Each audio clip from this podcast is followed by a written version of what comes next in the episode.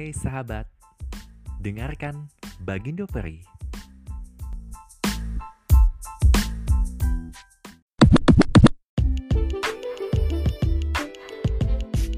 Assalamualaikum warahmatullahi wabarakatuh Sahabat Bagindo Ferry Di mana pun berada Aduh balik lagi nih bersama Ferry Seperti biasa Ferry menghadirkan orang-orang hebat di sini. Kalau nggak tips menarik buat sahabat Bagindo Ferry di mana pun berada. Dan kali ini Ini sore ya Ya, ya Ferry rekamnya sore hari Eh, Sore hari yang tenang bersama wanita idaman. Cie. enggak, enggak, enggak. Ini orangnya kalem banget. Eh, sahabat Bagindo, Peri untuk sesi kali ini Peri hadirkan wanita seorang psikolog. Eh, orangnya gimana ya? Tenang. Tapi nggak tahu nih. Air tenang itu menghanyutkan. Olah. Langsung aja kita sapa beliau. Peri manggilnya Hana. Kita baru kenal ya beberapa satu bulan yang lalu. Baik, assalamualaikum Hana. Waalaikumsalam warahmatullahi wabarakatuh. Nah ini keluar ini. Ya senang ya rasanya hadir di podcast Bang Ferry. Saya panggilnya Bang Ferry aja. Iya. Eh, apa nih Bang Ferry? Oke. Eh, tak kenal maka tak sayang, tak sayang maka tak cinta. Biar sahabat Bagindo Ferry cinta, dia harus tahu dulu dia eh apa Hana itu siapa sih? Sebenarnya Hana ini manusia biasa ya Bang Ferry ya. Dia bisa nangis juga, dia bisa ketawa juga. Mohon maaf, ini perlu tahu loh, psikolog juga manusia. Ya. Psikolog kan juga manusia. Jadi saya eh, masih manusia biasa ya pertama. Saya eh, asalnya dari Sungai Penuh. Saya blasteran ternyata Blas- Sekarang mana nih? oh, blasteran Sungai Tutung Sungai Penuh. Oke, Masih berarti anak sungai ya? Anak sungai. By the way bisa berenang. Ah, itu mungkin di level-level selanjutnya ya Ferry. ini cerita kita lari dari topik ya. Orang satu profesi. Ya, Oke, iya. lanjut. Jadi eh, saya asli Sungai Penuh, eh, bapak saya orang eh, orang Sungai Tutung, ibu saya orang Sungai Penuh. Saya eh, lahirnya juga di Sungai Penuh, sekolah di Sungai Penuh. Tapi di saat saya SMP, saya sekolahnya di luar kota. Di saat SMP di Pondok Pesantren Diniyah Pasir. Jadi saya sempat mondok Di kawasan di daerah mana? di daerah Awur Kuning. Aur Kuning Bukit Tinggi. Bukit Tinggi, iya. Itu saya sempat di situ tiga tahun. Oke, sekalian jualan baju nggak? Eh, enggak deh kayaknya. Bukan ya? Bukan. Jadi Ini kok kita Ya, ini kok apa-apa, jadi kita kan ya. eh, ngobrol asik Hmm, ya. Oke, setelah itu setelah tiga tahun di situ saya pindah SMA-nya ke SMA di Sungai Penuh SMA 1 Lalu saya lanjut kuliah, kuliahnya di UPI YPTK Padang jurusan psikologi. Terus lanjut lagi kuliahnya di UPI jurusan psikologi klinis. Kenapa memilih psikologi? Oke. Kenapa milih psikologi? Sebenarnya saya punya minat untuk psikologi ini dari lihat di TV sebenarnya. Itu di saat saya kelas 5 SD loh sebenarnya gitu. Udah lama ya pengen Udah lama banget ya. Iya, jadi awalnya tuh wah keren ya. Jadi saat itu eh, kalau teman-teman bagi Sorry, kerennya di mana? Kerennya di mana? Iya, ini saya mau cerita nih. Jadi kalau teman-teman Bagindo Ferry tahu ada ada yang Kita namanya manggilnya sahabat. Oke, kalau sahabat Bagindo Ferry ada yang tahu, ada profesor namanya Prof Sarlito. Terus ada profes eh, ada ibu namanya Tika Bisono. Mungkin ini agak familiar ya kalau Ya, teman. Tika. Jadi di saat itu saya nonton TV. Wah, mereka hadir nih di TV, katanya gitu. Wah, keren ya kalau masuk TV. Awalnya itu tuh rencananya.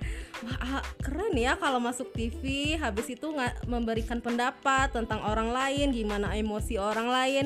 Oke, kayaknya bagus nih jurusan psikolog. Awalnya tuh nggak mau jadi psikolog ya kalau ditanya dari kecil tuh biasanya mau jadi apa? Jadi dokter Biasa lah ya, dokter. dokter, guru. Guru. Biasanya emang dokter, guru itu terus ya di saat kelas 5 SD.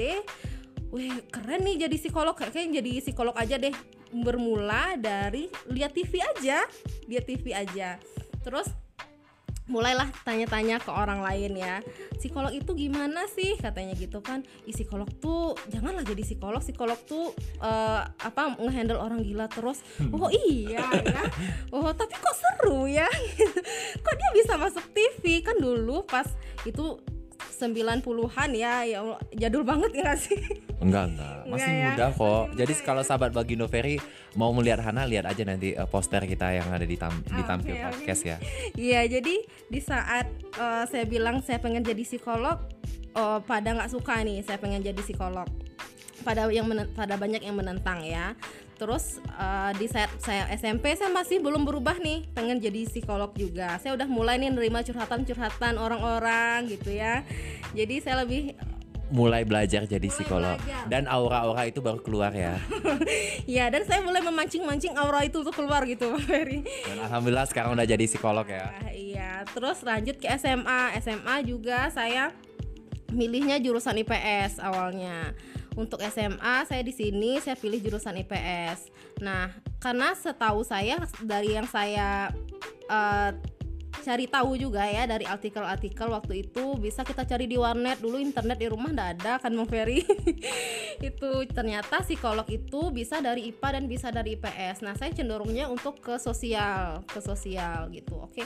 Oke jadi saya terus nih SMA IP, eh, di jurusan IPS lalu saya masuk kuliah dan bisa eh, teman-teman eh, Bagindo Ferry bayangin ya tidak ada satupun keluarga saya yang support untuk itu ya karena Dan sekarang udah paham dong, bisa baca dong. Oh ini support apa enggak gitu kan? ya jadi di saat saya mau masuk kuliah itu awal juga nggak langsung langsung tidak berjalan mulus ya semuanya nggak ada yang berjalan mulus jadi di saat itu saya pernah nyobain IPDN itu tuh kalau yang kenal sama Fadel Oke. Fadel Fadel yang Arafah itu saya satu angkatan di sama dia untuk bimbel-bimbel segala macam gitu ya.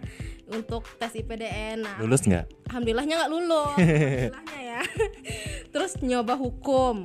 Nggak lulus juga karena eh, saya merasa nggak ada passion ya di situ. Saya merasa tidak menyenangi hal itu juga gitu. Jadi emang nggak serius gitu hasilnya. Oke kalau misalnya untuk IPDN eh, lebih ke fisik saya. Jadi eh, bukan agak body shaming ya lebih agak tertata gitu. Jangan body shaming, situ kan manis, hitam Iya, manis, iya. masya Allah. gitu. Jadi eh, gimana ya? Jadi di saat itu Oke, kayaknya nggak bisa nih, Mas. Terus saya komunikasikan terus ke orang tua saya, Mas sepertinya Hana nggak bisa kalau jurusannya nggak sesuai dengan apa yang Hana mau. Ya udah kamu di Kerinci aja, katanya gitu kan. Oke di Kerinci, bilang gitu kan. Pas saya bilang oke di Kerinci, mulai deh orang tua saya agak lunak ya. Oke, silahkan deh daftar aja di mana ada eh, psikologinya. Oke, dengan keadaan terpaksa ya orang tua saya itu melepaskan untuk saya kuliah psikologi. Oh, di, di semester pertama orang tua saya itu juga nggak setuju bang Ferry ternyata. Di, eh, dan di semester pertama itu saya buktikan oke mak apa yang bikin tidak setuju? Saya bilang gitu ya. "Eh, iya karena masih mindset orang di sini yang belum begitu tahu dunia psikologi itu apa dan Taunya handle orang gila gitu ya. Hanya handle orang gila aja gitu ya. Padahal dunia psikologi itu luas. Dunia psikologi itu ada yang di pendidikan ada yang di rumah sakit ada yang di perusahaan ada yang di sekolah-sekolah gitu ya. Eh, di saat itu saya membuktikan dengan orang eh, ke orang tua saya. Saya bisa. Ternyata Allah mengabulkan permintaan saya Eh, di saat saya kuliah S1 saya udah eh, saya bisa jadi aslep juga jadi asisten dosen juga Masya Allah. Iya, habis itu saya bisa membuktikan ke diri ke orang tua dan orang-orang terdekat saya ya bahwa psikologi ini nggak nggak semerta-merta stuck di itu aja gitu. Ternyata dunia psikologi ini luas di mana ada manusia di situ ada psikologi. ternyata. Satu lagi eh, pekerjaan saat ini juga nyambung dengan background pendidikan ya. Iya, alhamdulillahnya seperti itu karena eh, di pekerjaan saya, saya yang sekarang ini baik yang di Kerinci maupun di luar Kerinci, alhamdulillah berhubungan dengan psikologi semua. Oke, untuk pengalaman kerja sebelum buka klinik di sini di mana? Hmm, Oke. Eh, awalnya kalau pengalaman kerjanya kalau di Padang dulu ya Bang Ferry, kalau di Padang itu di UPI PTK Padang itu jadi asisten dosen, jadi asisten labor. Terus di di biro-biro psikologi yang ada di Padang juga. Terus eh, pada saat saya kuliah saya juga bekerja jadi asisten dosen juga di kampus di UPIAI terus juga di LPT UI Lembaga Psikologi Terapan Uni Universitas PAI yang di Salemba ya? Iya UPIAI ini Salemba kok tahu sih Bang Fer? Iyalah, Iya kita kan pernah jadi warga Jakarta. terus eh, di Lembaga Psikologi Terapan eh, Universitas Indonesia ada di di Biro Autonomi di Rumah Sakit di Rumah Sakit Islam Jakarta eh, dan di beberapa biro lainnya di Jakarta. Berarti udah banyak eh, apa? experience ya, pengalaman ya. Suka dukanya apa sih jadi psikolog? Oh, suka dukanya ya. Jadi kadang kalau jadi psikolog itu kan kita seperti yang saya bilang awal tadi, psikolog kan juga manusia ya. Jadi di saat ada capek ya berarti kita harus uh, istirahat gitu ya di saat uh, kita uh, kita menjelaskan ke klien kita. Uh, kita harus bisa nih menjelaskan sebenarnya ke klien kita bahwa kita butuh time sendiri juga. Jadi kita uh, lebih memi meminimalisir waktu ke klien kita. Kita saya tuh lebih gimana ya menjelaskan ke klien saya kalau uh, Pak saya tuh nggak uh, kayaknya jadwalnya dimundurin aja hari ini gitu. Karena saya dari praktek dari pagi sampai sore. Karena mungkin ada lima uh, tiga sampai lima orang itu kan menguras energi juga ya. Energi dan pikiran ya. Iya jadi butuh relax juga kan butuh istirahat juga. Jadi mungkin itu dukanya. Tapi sukanya lebih banyak ya karena pengalaman klien-klien itu memberikan pelajaran berharga juga untuk kita. Kita juga ikut belajar nih dari klien-klien itu.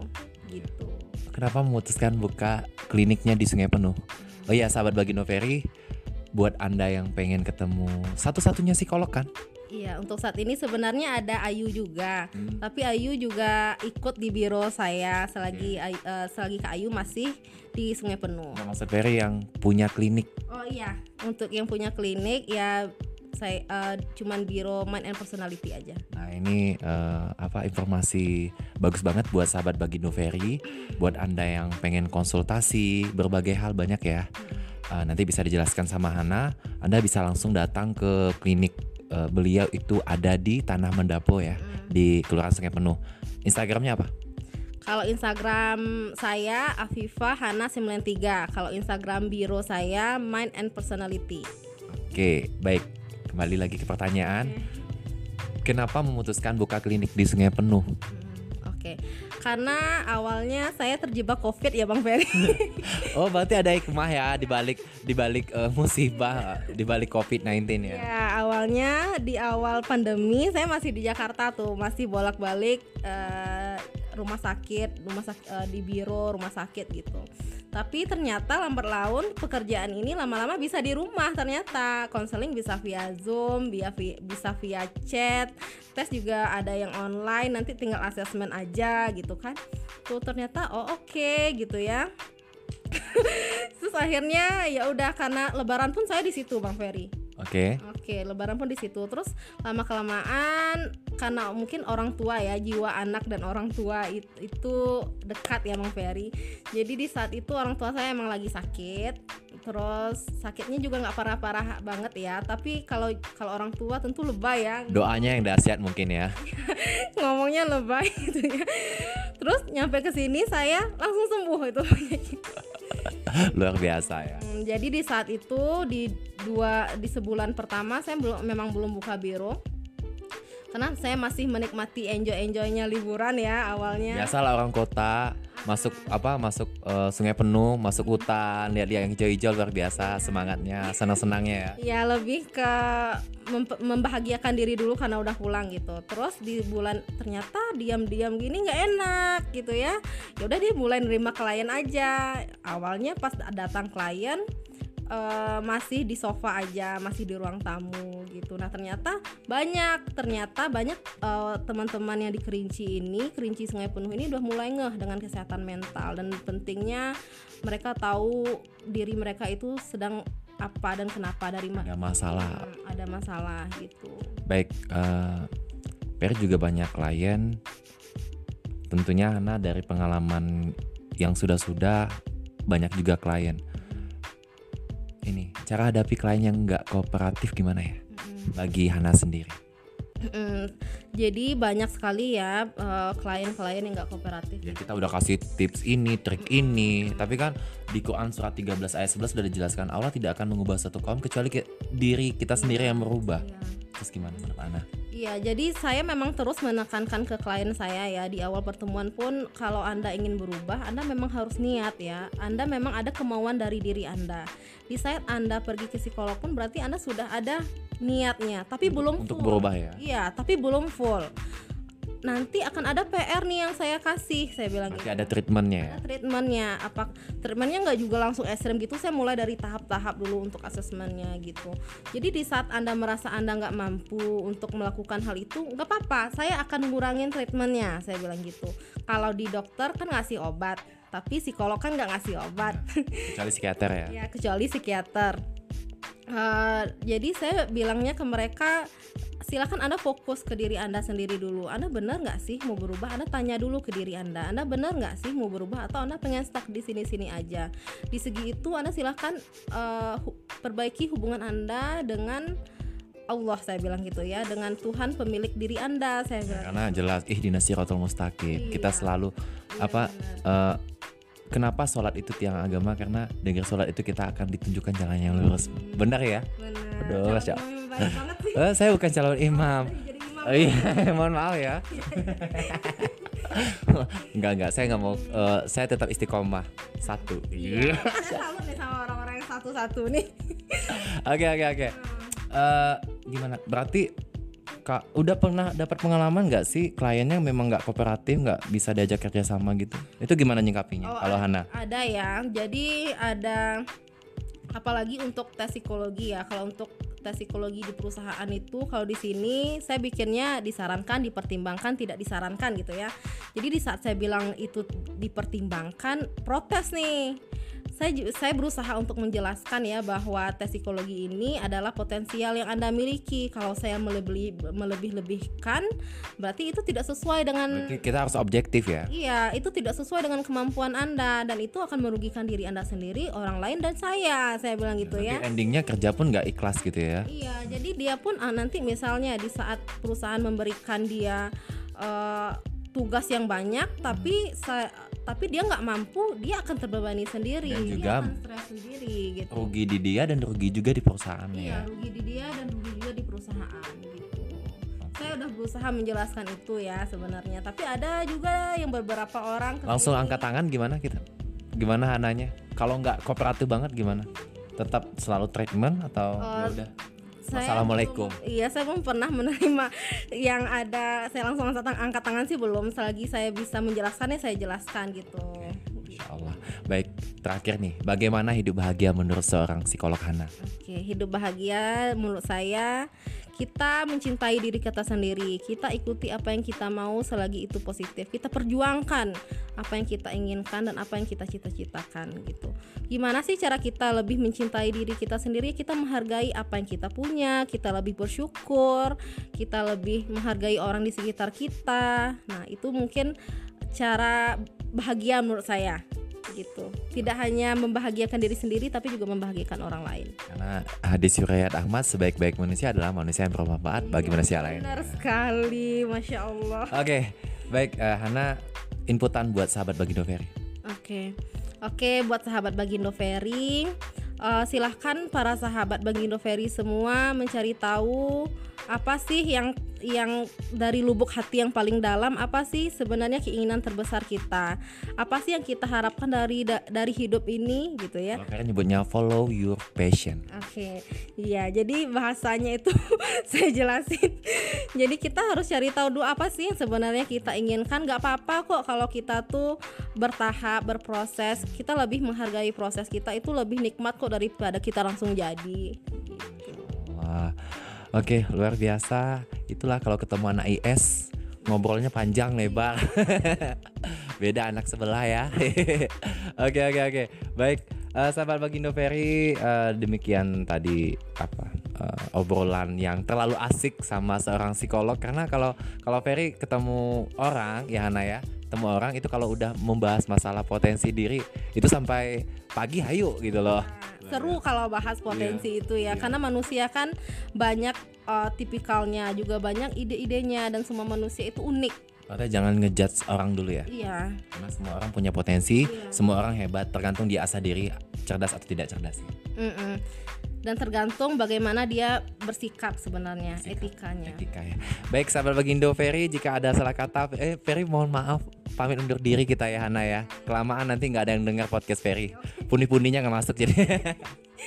Baik, jika ada salah kata dari Ferry, Peri mohon maaf lahir dan batin. Ya, Hana juga minta maaf lahir dan batin. Dan Peri Viva Hana Wahyuni atau Hana. ya pamit undur diri. Wassalamualaikum, Wassalamualaikum warahmatullahi, warahmatullahi wabarakatuh. wabarakatuh.